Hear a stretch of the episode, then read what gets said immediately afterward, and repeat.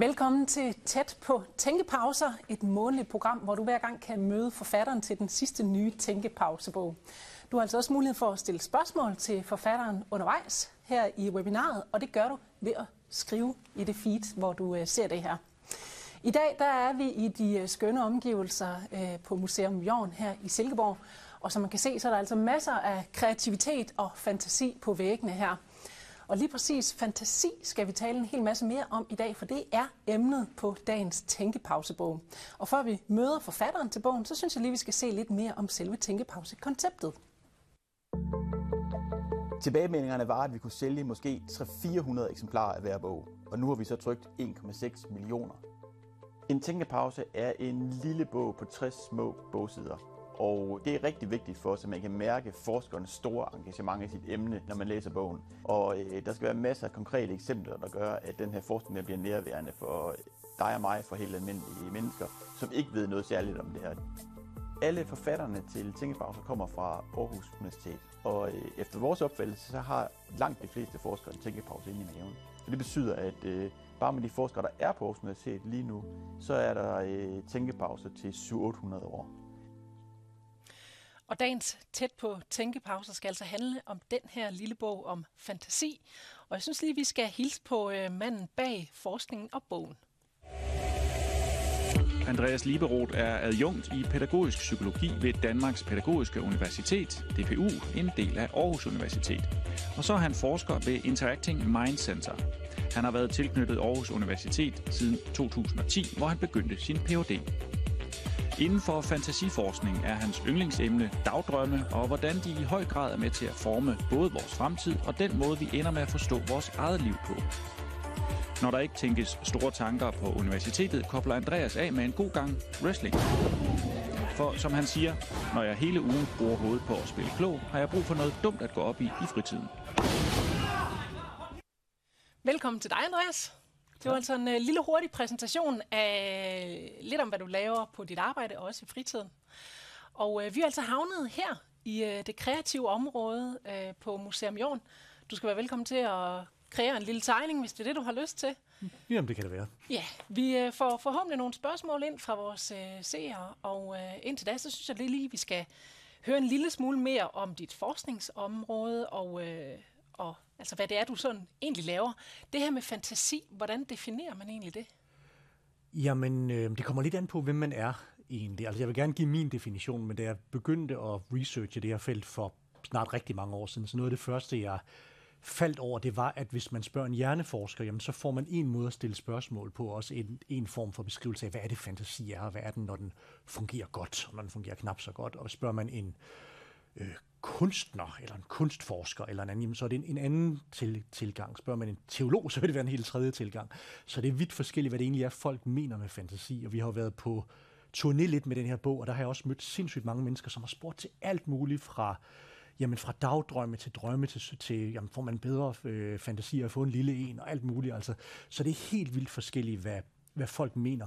Og det har også præget processen med at skrive den i virkeligheden. Der er sådan seks kapitler i sådan en lille bog som den her. Hver af dem får sådan et, et lille snit fra en, en forskellig vinkel. Men spørger du mig, så er den sådan operationelle definition, vi har, jeg har valgt at bruge, det er at sige, at fantasi det er vores evne til at tænke på og opfinde ting, øhm, som vi kan se for os, eller høre for os, eller opleve i vores indre univers, men som vi godt er klar over ikke er rigtige i virkeligheden. Så det at kunne forestille sig ting, der ikke er der.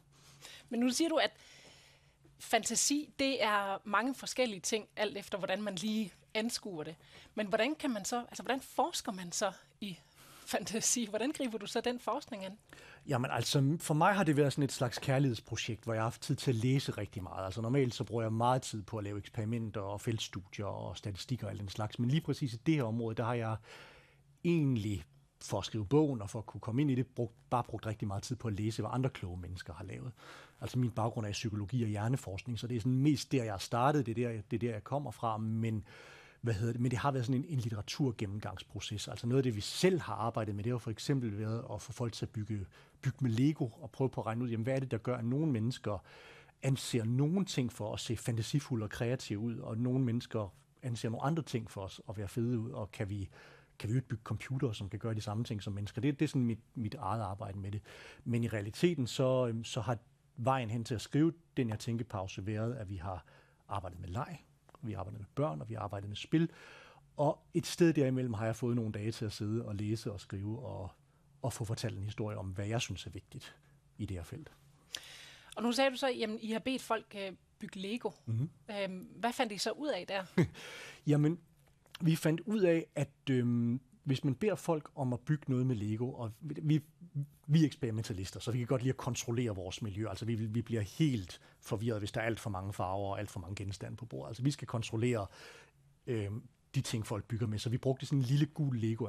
Jeg har faktisk tit en på mig, det har jeg ikke lige nu. Men som er seks brækker, som kan kombineres på rigtig mange forskellige måder. Fordi der er et... Man så øh, lidt af dem i øh, præsentationen, ja. er der faktisk. Der var, ja, lidt, der var lidt Lego an. Lige præcis, og de ender der, dem kan man, øh, det ligner jo, at der er et ret begrænset rum at bygge ind i, men det viser sig, at der er sindssygt mange forskellige måder. Øhm, og det vi opdagede, at det som folk egentlig anså for fantasifuldt eller kreativt, det var der, hvor de blev overrasket sådan set. Altså hvis man gjorde noget med brækkerne eller klodserne, som ikke er forventeligt. De to ting, som folk sådan var mest sådan wowet over, det var sådan set, hvis nogen, hvis nogen har regnet den ud, og det kan være, at, at folk, der sidder og kigger med, kender tricket, men man kan faktisk tage de flade Lego-klodser, altså de helt flade plader, så kan man dreje dem, og så kan man stikke dem ind imellem stutterne på de andre, så man lige pludselig kan få dem til at stå, stå op, i stedet for at ligge ned.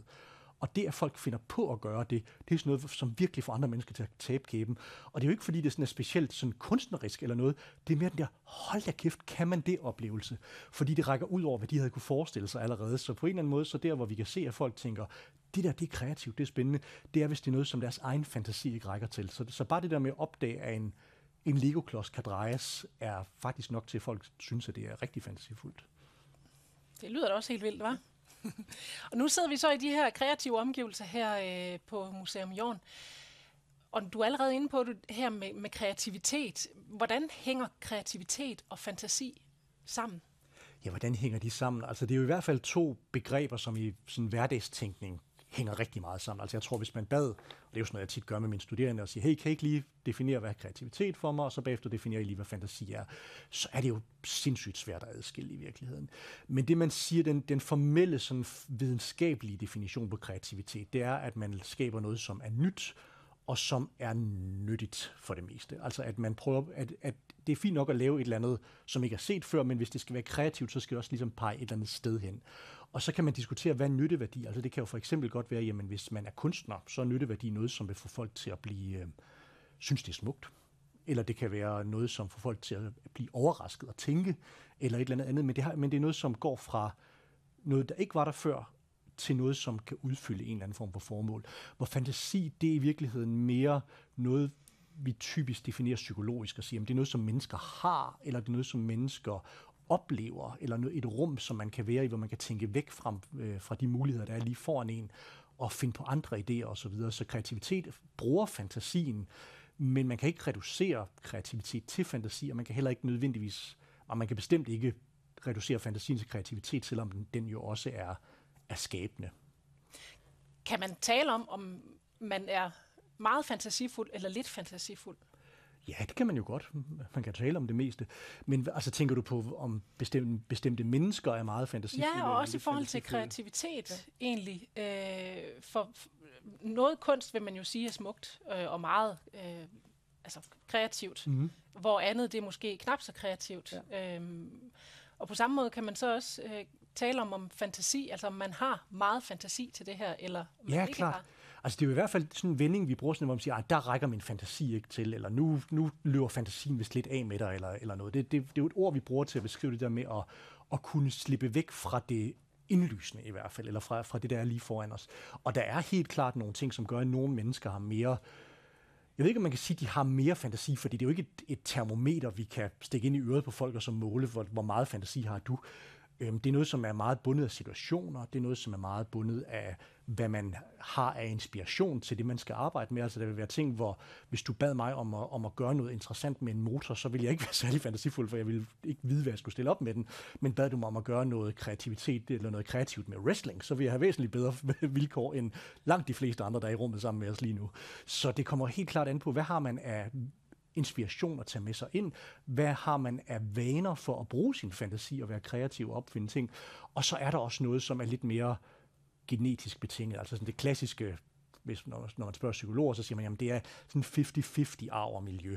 Og noget af det, vi har med os, er jo også i vores gener. Så der er noget personlighed, og der er noget med ren rå IQ, ganske enkelt, fordi man ved, at sådan en helt almindelig intelligenskotient er altså også forbundet med at kunne lidt bedre sådan bryde med de indlysende idéer og til at få nogle nye tanker, eller bare analysere tingene og sige, hey, hvad med den her vinkel? Sådan kunne vi også gøre. Det kræver simpelthen noget, noget kraft at, at gøre det, så det vil sige, det er ikke fordi alle mennesker, der er vældig fantasifulde eller vældig kreative og genier, men der er en sammenhæng mellem det at være, at være vaks og også at være god til at, til at tænke fantasifuldt. Har det også noget med de referencer, man ligesom tager med ind i, i tankeprocesserne at gøre? Jamen helt klart. Altså det, der findes masser af ret fede studier, som, som viser, at man sagtens kan begrænse folks fantasi ved hjælp af hvordan man sætter et eksperiment op. Altså sådan et, en af mine yndlingseksempler er noget, som man kalder constraint by example, som betyder begrænsning ved hjælp af eksempler, som jeg tit fortæller folk, som skal, hvis de gerne vil arbejde med, hvordan kan vi lave bedre kreative processer, eller hvordan kan vi hjælpe sig med at være kreative, så siger lad være med at give eksempler. For guds skyld, lad være at vise folk noget, som de kunne gøre. Fordi øh, der er nogle forskere, som for eksempel bad en masse mennesker om at skulle finde på noget nyt legetøj, eller på nogle rumvæsener. Det er sådan to ting, som alle mennesker godt kan, kan tænke ud. Og de blev udstyret med papir og med blyanter, og så, øh, så fik de den opgave. Øhm, og som eksperimentalpsykologer tit gør, så var de opdelt i to forskellige grupper, hvor den ene gruppe, de fik øh, bare at vide, jamen I skal tænke på nogle, øh, på nogle rumvæsener, som bor på den her planet, der hedder sådan og sådan. Øhm, værsgo at gå i gang. Den anden gruppe fik at vide, at I skal finde på nogle rumvæsener, som bor på planeten, men I får lige nogle eksempler på, hvad andre har, havde tegnet. Og det viste sig, at de produkter, som kom ud af gruppen, som havde set eksempler. For det første var der færre af dem, altså de var allerede havde fået sådan noget tunnelsyn, hvor, hvor de var blevet begrænset lidt i deres idé om, hvad et rumvæsen man kunne være, bare af det faktum, at de billeder, de så, havde to hoveder og mange ben. Øhm, og en anden pussy ting, altså så de lignede dyr, hvor, hvor man jo også godt kunne forestille, at et rumvæsen kunne vel godt være en luftart, eller, eller et eller andet andet. Altså vi, man kan tænke meget langt væk, hvis man, hvis man har frie rammer. Ikke? Og så samtidig så opdagede de, at de produkter, som folk kom tilbage med, de var ubevidste kopier af det, de havde, de, folk havde set. Så det vil sige, at det var noget med mange, så selvom de ikke nødvendigvis havde flere ben, så havde de flere øjne, eller flere arme, eller et eller andet. Så bare det der med at begynde at tælle lemmer, var altså noget, som havde dels inspireret, jo jo bevares, men det havde altså også begrænset dem meget sammenlignet med dem, som ikke havde fået nogen inspiration. De skulle lidt bruge lidt længere tid til at komme i gang, men så var der også meget mere frie rammer i deres mentale rum. Så, øhm, så det er noget, som man sagtens kan, hvad hedder det, kan, kan tale om som noget, der er i personen, men det er i høj grad også noget, der kommer ind på, hvad man tager med sig ind i det, altså inspirationer. Lad os uh, kigge lidt på de spørgsmål, uh, der er kommet ind. Mm. Jeg har også uh, selv lige flettet et par, par stykker ind, som jeg synes er relevante. Men en, en, der er kommet her, der står, har børn mere fantasi end voksne? Ja. ja, det har de. Vi voksne er frygtelig fantasiløse rigtig meget af tiden. Eller det vil sige, det, det er en sandhed med modifikationer, fordi børns fantasi er på en eller anden måde friere.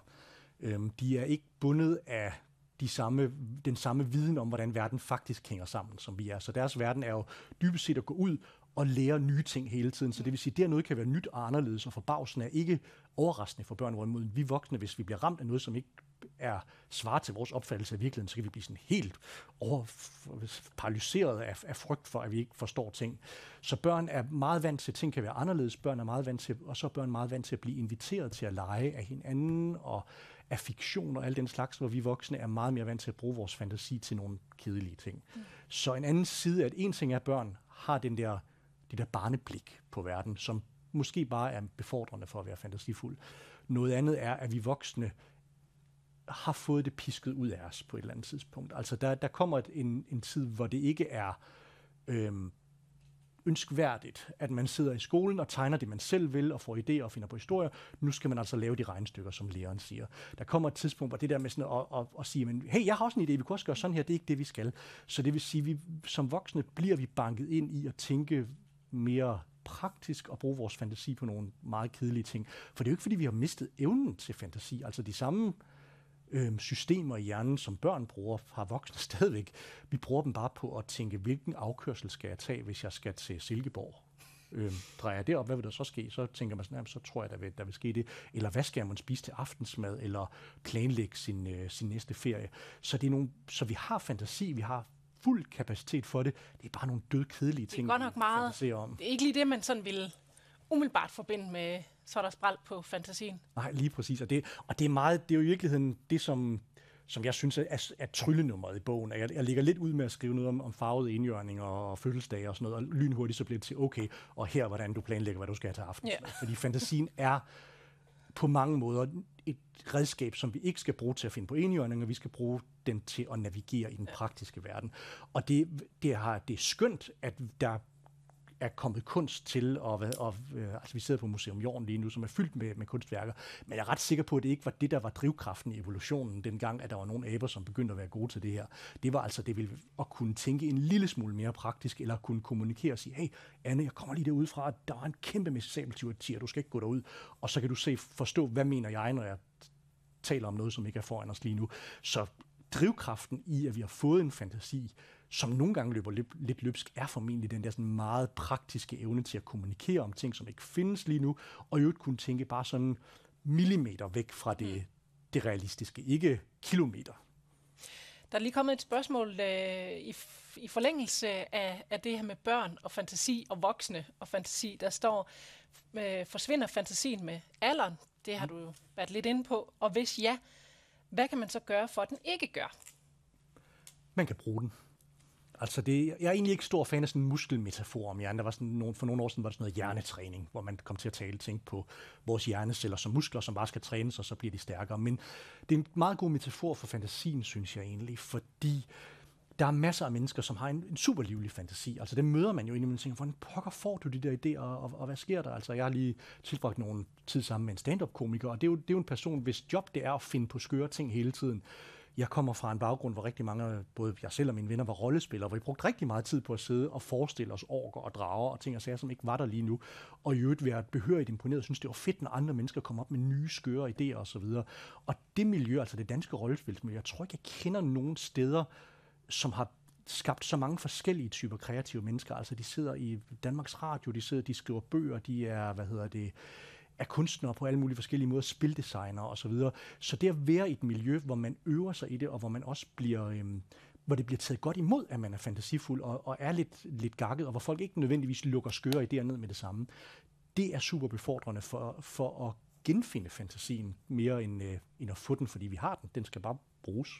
Der vil jeg sige, det er et øh, meget øh, populært emne. Der kommer altså masser af beskeder ind nu på det her med, hvordan kan jeg dyrke min fantasi mm. og træne den. Men så kommer der også det her, flere store malere her under jorden, og Dali brugte deres drømme og motiver herfra i deres malerkunst. Hvor går grænsen mellem fantasi og underbevidstheden?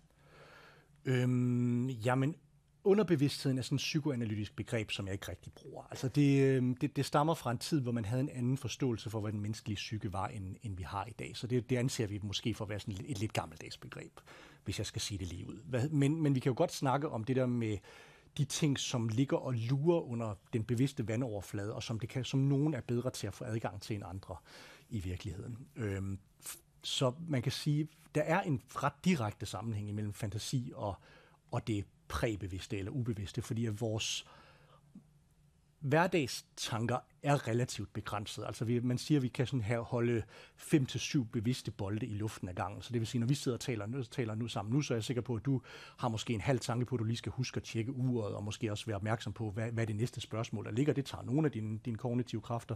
Så skal du lytte til, hvad jeg siger. Du skal måske også lige afkode mit kropssprog og se, om, om jeg ligner en, der vil være træt og, og gerne vil hjem, eller hvad pokker det kan være. Så vi kan lynhurtigt få brugt de mentale kræfter, vi har til i enhver situation. Men det er ikke det samme som, at hjernen kun kan det. Altså, den har masser af arbejde, den skal lave, mens vi sidder og taler sammen, og mens vi hvad hedder det også, så, så det vil sige, det, det næste spørgsmål, du kan finde på at stille, eller det næste svar, jeg kan finde på at give, er lige så stille på vej, bare i en ube, ubevidst behandlingsstadium på en eller anden måde. Og det vi, der er lavet nogle ret skønne studier, så det er faktisk et rigtig godt spørgsmål, hvor man, øh, hvor man har kigget på, når folk bliver bedt om at ligge meget stille i en hjerneskanner og tænke på ingenting, hvad sker der så? Og så, øhm, det, det det, man opdager i virkeligheden, det er, at øh, når, hvis man bare siger, prøv, prøv at ligge der og tænke på ingenting, det kan folk ikke. Det kan ikke lade sig gøre. Det er umuligt, at, med mindre man sådan virkelig er lige ved at falde i søvn, eller er mega træt, og bare, eller er virkelig dygtig til at meditere. Det er en, det er en færdighed, man kan opbygge.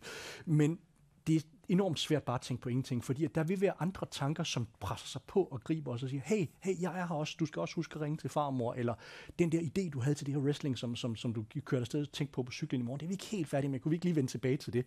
Så der vil altid poppe ting op, som ikke er nogen sådan øh, dybe, underbevidste sandheder, eller, eller, hvad hedder det, eller signaler fra, fra det, det ubevidste, sådan, sådan tænker jeg ikke på det.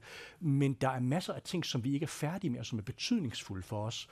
Og det er jo i virkeligheden også på mange måder det, man mener, hvis man taler om det underbevidste, at det er alt det, som, som ligger og lurer, og som er vigtigt for os, og som øhm, enten har en psykologisk betydning, eller som bare har en praktisk betydning, at du skal også huske at købe kartofler.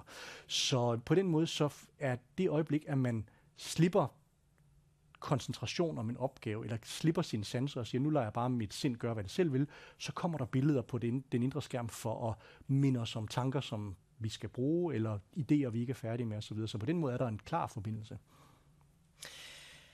Jeg har jo læst med stor glæde din bog her, øh, og, og et sted i bogen, der, der taler du om, øh, at vi, når vi forestiller os noget, så henter vi det i hukommelsen. Mm. Der har du det eksempel med, at man befinder sig på en, øh, en strand, og sand mellem tæerne, og lyden af vand og alt det her. Det henter man, fordi man har oplevet det før. Ja. Men hvad gør man så, hvis man skal forestille sig et sted, eller noget, man, man ikke har set før. En enhjørning, eller ja. en, en rummand, eller at gå på månen. Hvor, det, kan, det kan man ikke rigtig hente i hukommelsen. Jamen, alt det har du da set, Anne. Du har bare set det i fjernsynet. Ja. Altså, så så, så der, er jo, der er jo rigtig mange ting, som man faktisk ikke har set i virkeligheden, men som aller, man allerede har set på billeder, eller, i, øhm, eller hørt om i fortællinger.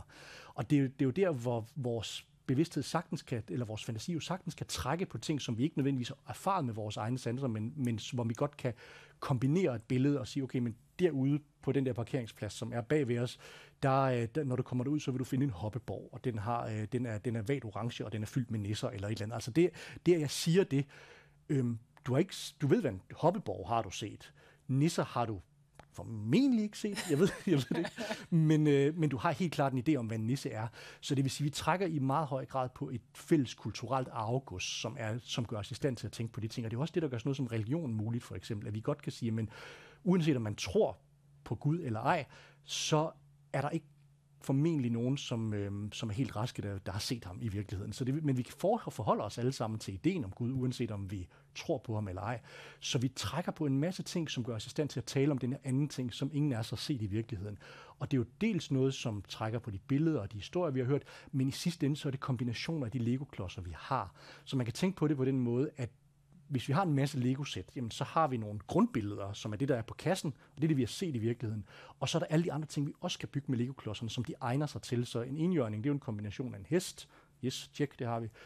Den er lyserød. Okay, lyserød det godt være, og den har også et horn. Bupt, nej, i panden, okay.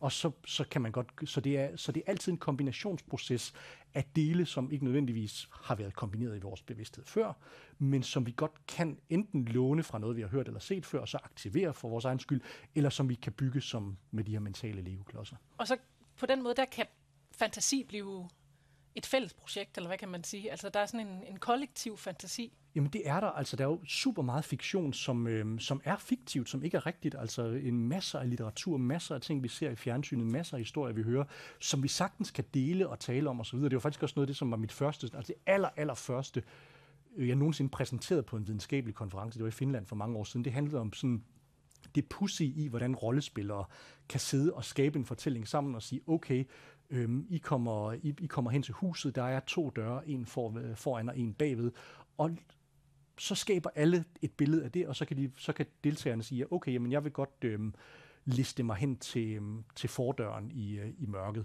Og så er der en, der siger, hov, vent, er der i grunden en, øhm, er der, en, er der gadelygter?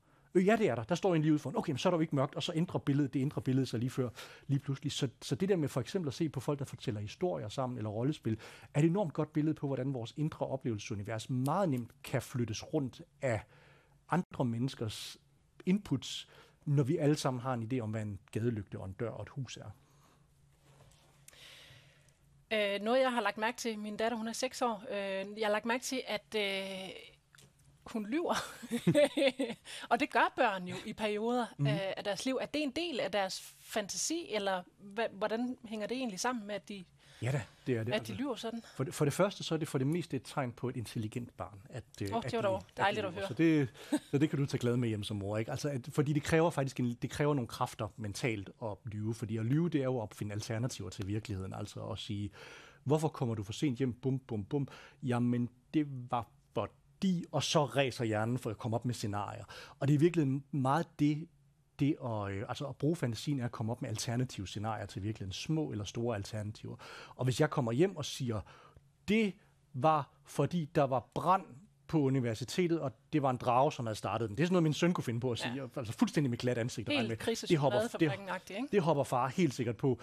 Den, den går jo ikke, men vi kan sagtens tænke, tænke os til det. Men så hvad hedder det, øhm, så det at lyve er jo helt klart at bruge sin fantasi til at sige, hvad kunne jeg finde på? Det at lyve godt, det er jo så til gengæld at tænke over, hvad er realistisk at sige, og hvad ved min mor, og hvad ved hun ikke? Hvad, hedder, altså det, vi, vi bruger meget det, at jeg siger, Rasmus, som min, som min femårige har, nu har du lyveøjnene på. Også for at lære ham, du skal, du skal få det pokerfjæsknægt. Altså, jeg, jeg kan jo se det på dig.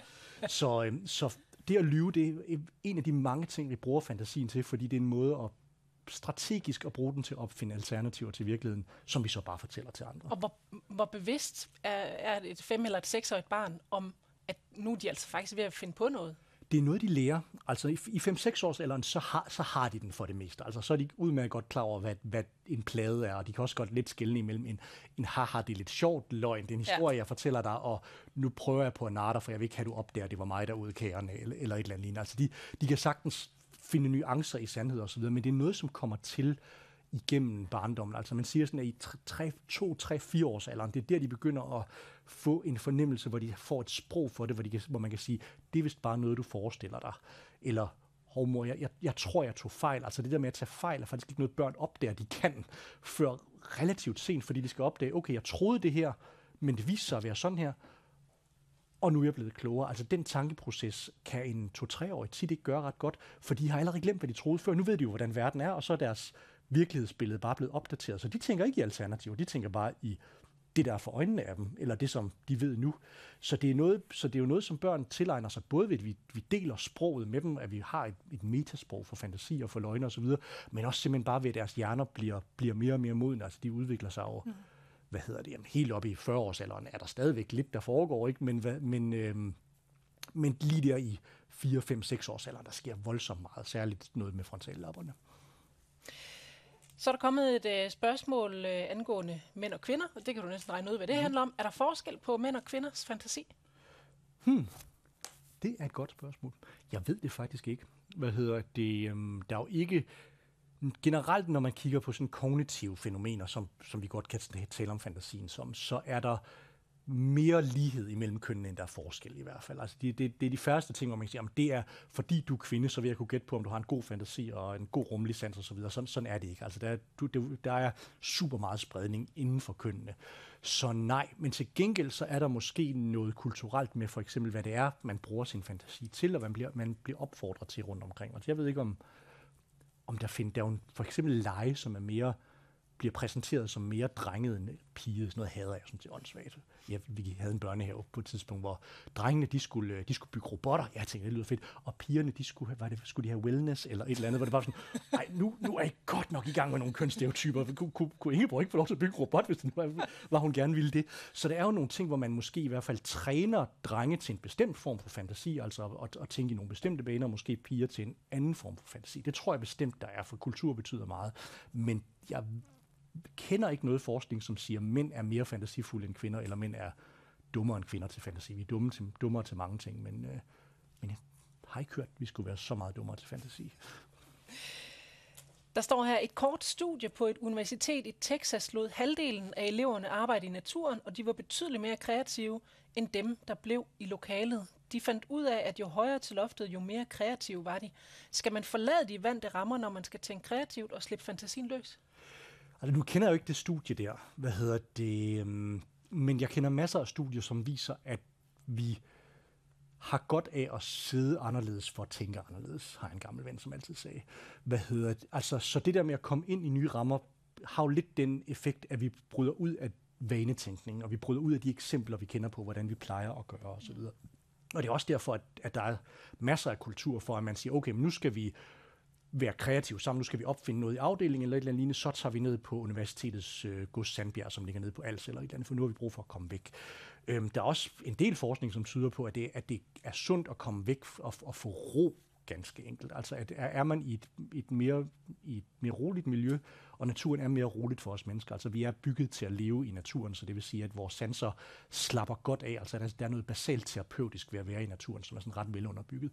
Og så noget af den, så det handler ikke nødvendigvis om, at der er noget dårligere i et værelse. Altså det her værelse er fyldt med alle mulige inspirerende ting, så jeg er sikker på, at her kunne man hurtigt få gang i et eller andet. Men hvis man er vant til at lave matematik, eller vant til, at man må noget, som, øhm, og ikke noget andet i et lokale, jamen så, det, så ikke nødvendigvis at komme ud i skoven og højere til loftet osv., det, det, det, det lyder sådan lidt magisk i det, men det at komme væk og komme et andet sted hen, helt klart. Så bliver der spurgt, hvor meget fylder fantasi i vores hoved tidsmæssigt hver dag? Ja. Det er der lavet studier af. Det er jeg glad for, at du spørger om. Øhm, det, det er faktisk noget, som der er rigtig mange psykologer, der bliver interesseret i, sådan, da man begyndte at tænke på det som, hey, fantasi er faktisk også en, øh, en ting, som det kunne være værd at studere. Så man lavede noget, der hedder thought sampling, eller experience sampling, som er sådan et, et, et uh, trick, man har kunnet lave sådan, lige så længe man har haft pager, altså de der små kaldeting, som man siger amerikanske lægeserier, så går de rundt med sådan en lille billedklips, og så kan den vibrere og give en, en meget kort besked. Og typisk så, det man gjorde, det var, at man, hvad hedder det, um, bad folk, gav dem en de pager, og så sagde man, når jeg pager dig, så skal du, ind, så skal du finde en, øh, hvad hedder det, mønttelefon, jeg skulle lige sige mobiltelefon, det var det ikke, en mønttelefon, og ringe til mig og fortælle lige præcis, hvad du havde i hovedet på det tidspunkt. Øhm, eller man beder folk om at sætte vækkeuret og sige, at når det ringer, så vær, vær sød lige at skrive ned, hvad der sker. Og det viser sig, at folk tilbringer godt halvdelen af, det, af deres vågne tanker væk fra øjeblikket. Og det, så det vil sige, at øh, i sådan en situation som det her koncentrerer vi os jo lidt, fordi at, hvad hedder det, altså for det første så er vi, der, vi to, og vi har, har en samtale om noget, som er relativt komplekst, og der er også kamera på så der, der er sådan lidt ekstra, men i, selv i ret komplicerede situationer, så har vores tanker det med at glide lidt væk, altså hvis du spørger mig om noget, jamen, så ser jeg et eller andet for mig, altså jeg har haft mange små indre billeder, mens du har stillet spørgsmålene, okay, klasseværelse, en skov, og bum, bum, bum. Ikke? Så vores fantasi hvis vi tænker på den som at være sådan helt opslugt af vores fantasi og slet ikke være i kontakt med virkeligheden. Det er selvfølgelig noget, som, som sker relativt sjældent. Altså det kræver noget ro, ganske enkelt. Det sker for os, og det er særligt noget, som sker for eksempel om aftenen, når vi ligger i sengen og skal sove, og tankerne bare kører ud af, eller når vi sidder i bilen, når vi kender ruten godt, eller på cyklen, der kan vi godt havne der. Men for det meste så, når de der 50 procent øh, er til stede, så er det faktisk fordi, at, øh, at vi bare kobler ud lige et kort sekund og bruger det i vores tanker. Altså at det bliver til en del af vores hverdagstænkning. Og så tjekker vi ud for en kort stund, og så er vi tilbage der, hvor vi var. Så omkring 50, hvis man tæller det med, så er det faktisk omkring 50 procent af tiden, vi ikke er helt så til stede, som, øh, som man skulle tro. Som vi, som vi giver os ud for at være. Så, men det kommer lidt an på, hvor man sådan lige skærer den. Altså, ja. hvad er fantasi og hvad er Lige præcis. Ja. Det, det gør det. Altså, for der, der er jo noget, og, og det er jo, når man kigger sådan taler om, hvad, hvad er fantasi, hvad kan det være, så, så er der nogen, der siger, at der er noget, øhm, en, en skala kan være, hvor realistisk er det.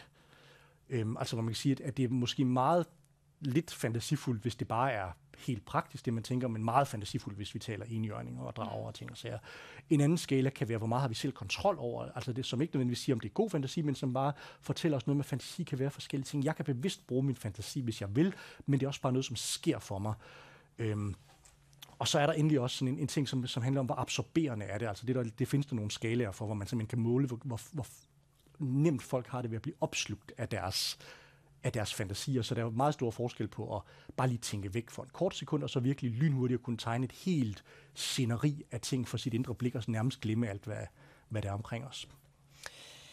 Her kommer lige et øh, spørgsmål øh, er der forskel på, hvor fantasifuld en autistisk hjerne er i forhold til en neurotypiker? Og der skal vi måske lige have lidt ord på, hvad en neurotypiker er. Neurotyp, det, det er bare en pæn måde at sige alle os andre, som ikke er på autismespektret. Øhm, er der det?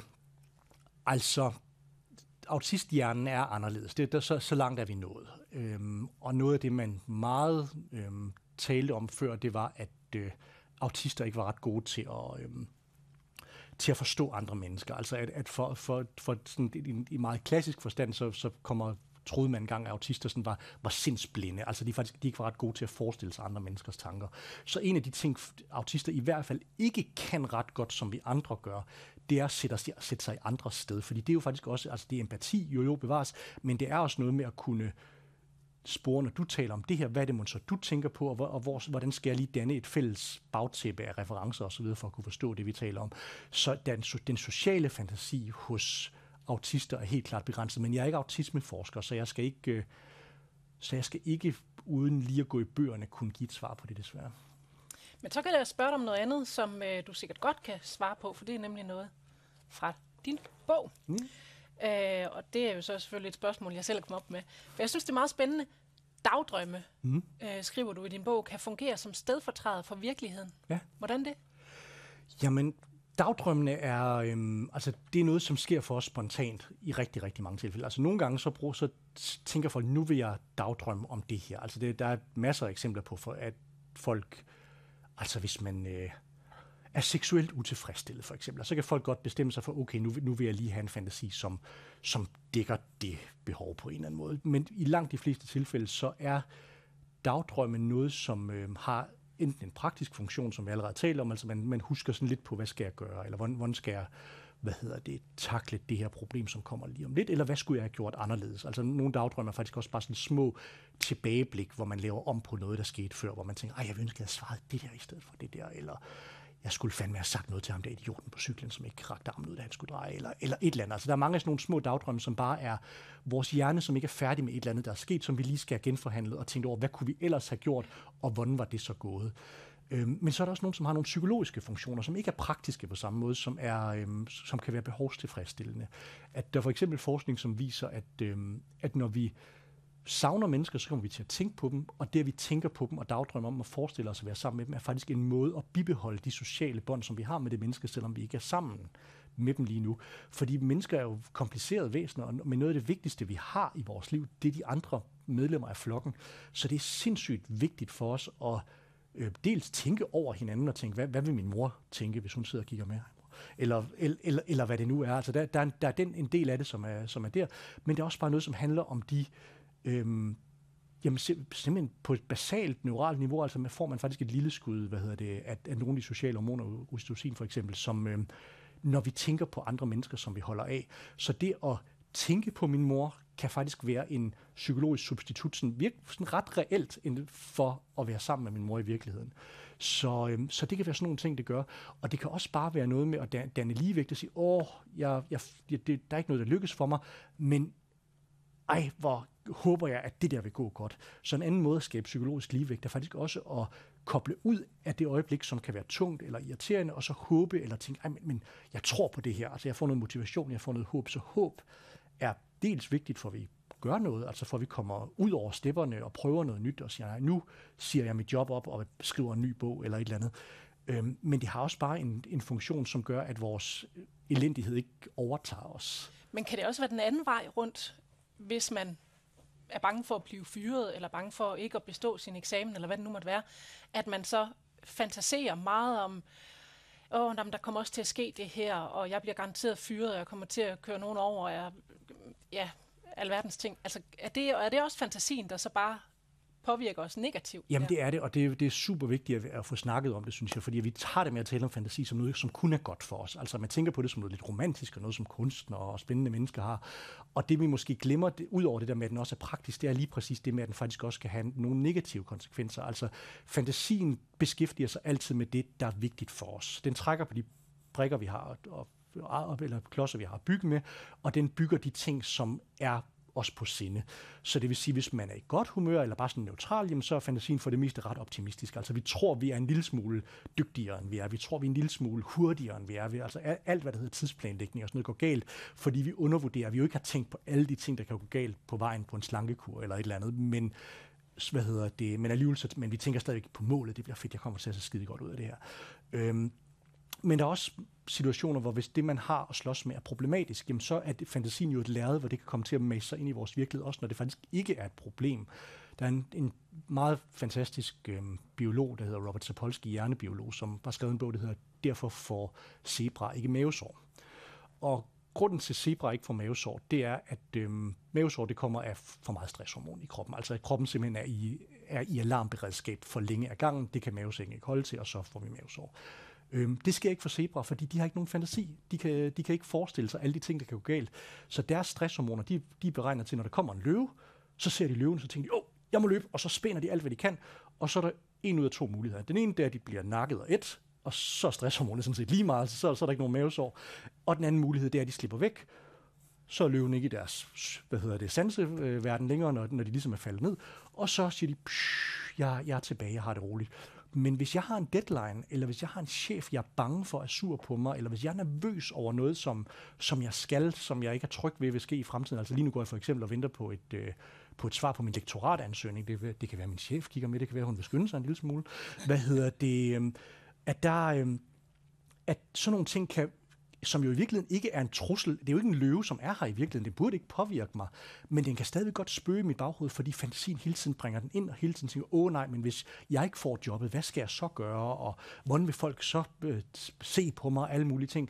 Så fantasien kan sagtens bringe en masse problemer ind, som vi egentlig burde kunne slippe. Og den kan også godt skabe sådan nogle julespindseffekter. Altså det er tit det, der sker, når folk har angst eller depressioner eller stress, at man ender i sådan noget, hvor det er bare katastrofetanker, der, der kører på repeat, i stedet for at kunne sige, prøv at høre, det er ikke noget, jeg gør noget ved lige nu. Nu tror jeg, jeg vil tænke på noget andet. Så fantasien er, jo jo, den er for det meste mere positiv og negativ, men den kan også sagtens trække på nogle meget mørke ting og nogle meget ubehagelige ting. Og der skal man så måske også huske at være bevidst om, at det er fantasien, ja. hvis man kan det. Ja, og man skal tænke over, at, at fantasierne er for det meste også en... Altså der, så kan vi godt vende lidt tilbage til det med det underbevidste, at fantasierne spejler et eller andet, som spørger i vores verden. Så hvad hedder det? For eksempel noget af det, man kigger på, når man øh, tjekker folk for depressioner, det er sådan en vigtig ting lige nu, for det, de, de kommer, når vi skifter til vintertid for eksempel, det er, om folk har selvmordstanker, altså om de forestiller sig måder at begå selvmord. Og det, det er faktisk et, sådan, det, den vigtigste alarmklokke, hvis man tester folk, screener dem for depression, og de svarer, ja, det gør jeg nogle gange, så, så skal der gøres noget. Fordi at det er jo ikke fordi de fleste mennesker, der har de tanker, går ud og gør noget ved det, men det er stadigvæk en situation, hvor deres fantasi bliver til et, et skue eller skuespil er noget, som absolut ikke er sundt, og som, som faktisk kan være et tegn på nogle ret alvorlige andre problemer, som, som skal fikses. Jeg skifter lige spor herhen mod slutningen af, af programmet her, fordi øh, jamen, vi har snart snakket sammen i, i tre kvarter faktisk. Og øh, den er jo altså lille, den her bog, 60 små bitte sider.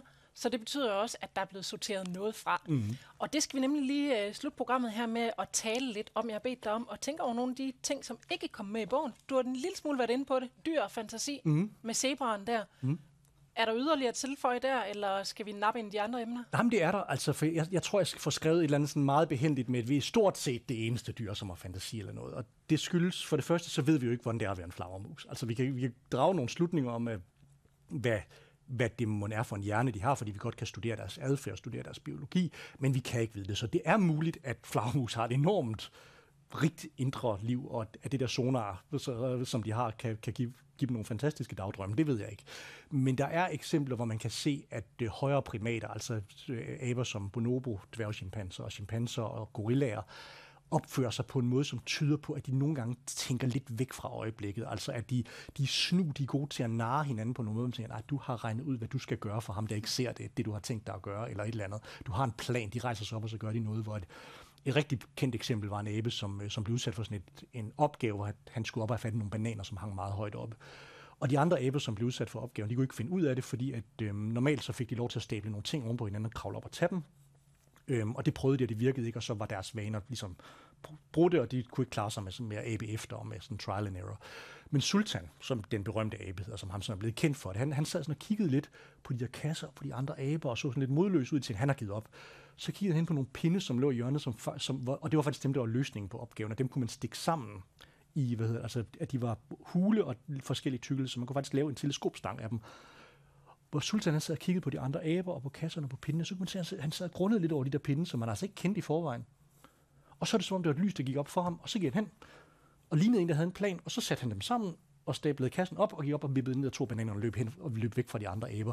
Og vi kan jo ikke vide præcis, hvad der er foregået, men når man ser den slags, så er der mange sådan adfærdsforskere, som siger, okay, det skulle tegne på, at han har haft en plan af en eller anden slags. Altså han må have kunne se for sig, og det er jo en af mine vigtige definitioner af fantasi, at kunne se noget for sig, som ikke er sket endnu, eller ikke er virkeligt. Han må kunne se for sig, hvad han kan gøre med dem der, og hvad der så vil ske, når han tager dem og går hen og gør et eller andet. Så der er noget, der tyder på, at nogle af vores nærmeste slægtninge har noget af den samme mentale magi. Det er lidt ligesom med motorvejsafkørselen der, Lidt som Sultan der havde gang i. Øhm, ja, vi, vi, vi flotter os og går lidt over tid i dag. Øh, for et af dine øh, emner, der ikke kom med i bogen, det var for meget fantasi. Mm. Øh, hvad, hvad handler det om? Jamen, vi har jo allerede været lidt inde på det, at, at fantasien kan være god for os, men den kan også bære noget skidt med sig. Altså hvis, den, hvis man kører julespind i nogle katastrofetanker for eksempel, altså ikke kan slippe ud af det, ikke? altså hvis man har angst og ikke tør gå uden for døren, fordi man har alle mulige forestillinger om, hvad vil folk gøre, når jeg dukker op til festen, hvad vil de sige, de vil, de vil ikke kunne lide mig osv. Så, så der er fantasien jo for meget, og der kan den overtage for virkeligheden på en måde, som ikke er hensigtsmæssig. Øhm, og der findes et, øh, et begreb, som jeg, jeg så lige nogle fjolser, som har, har sagt, at det er en afhængighed, en afhængighed af dagdrømme, det er skidt. Hvor jeg himler altid med øjnene over folk, som kalder helt almindelige hverdagsting for afhængigheder. Men hvad hedder det? Men det, man kalder maladaptive daydreaming, som er, og dagdrømmene begynder sådan lidt at tage over. Og man kan faktisk se, at under coronavirus, der, øh, hvor folk har været lidt mere isoleret, der er folk, der allerede har tendens til at dagdrømme rigtig meget, og måske sådan blive fanget lidt i deres egen tankespind, og ikke sådan helt gå ud og måske handle på de ting, de tænker på osv., de har haft mere af det. Så det vil sige, at øh, der er mennesker, som godt kan være lidt mere fortabt i deres fantasi, og for det meste er det en dejlig ting, men det kan også blive for meget, hvis det bare bliver til en virkelighedsflugt, og det kan også blive problematisk, hvis det så hindrer en at gøre andre ting, som egentlig ville være bedre for en, end at sidde og, og stirre blidt ud af vinduet. Så, øh, så det kan være for meget, men for det meste så er det jo for meget af en god ting. Og hvis man har fantasi til det, så kan man øh, købe din, øh, din bog. Ja. kan man gøre hos boghandlen, så der har vi i hvert fald løst det problem allerede med at tænke sig til, hvordan man gør det. Man kan også ønske sig den i øh, julegave. Det er en god idé. Tusind tak, fordi at du ville komme og tale med mig i dag. Jamen, tak fordi jeg måtte komme. Og tillykke med den lille fine bog her. Og tak til dig, der kiggede med, og tak for de mange gode spørgsmål, jeg har fået ind. Jeg nåede jo desværre ikke øh, alle sammen, men det kan jo være, at du kan finde øh, svar på øh, dine spørgsmål her i bogen. Næste gang øh, vi øh, kaster os ud i tæt på tænkepauser, det er den 10. i 12. Og derfor er jeg besøg af Tina Tode Hovgaard, som har skrevet decembers øh, tænkepausebog, og den handler om emojis. Så jeg håber, at øh, vi ses igen der. Tak for nu.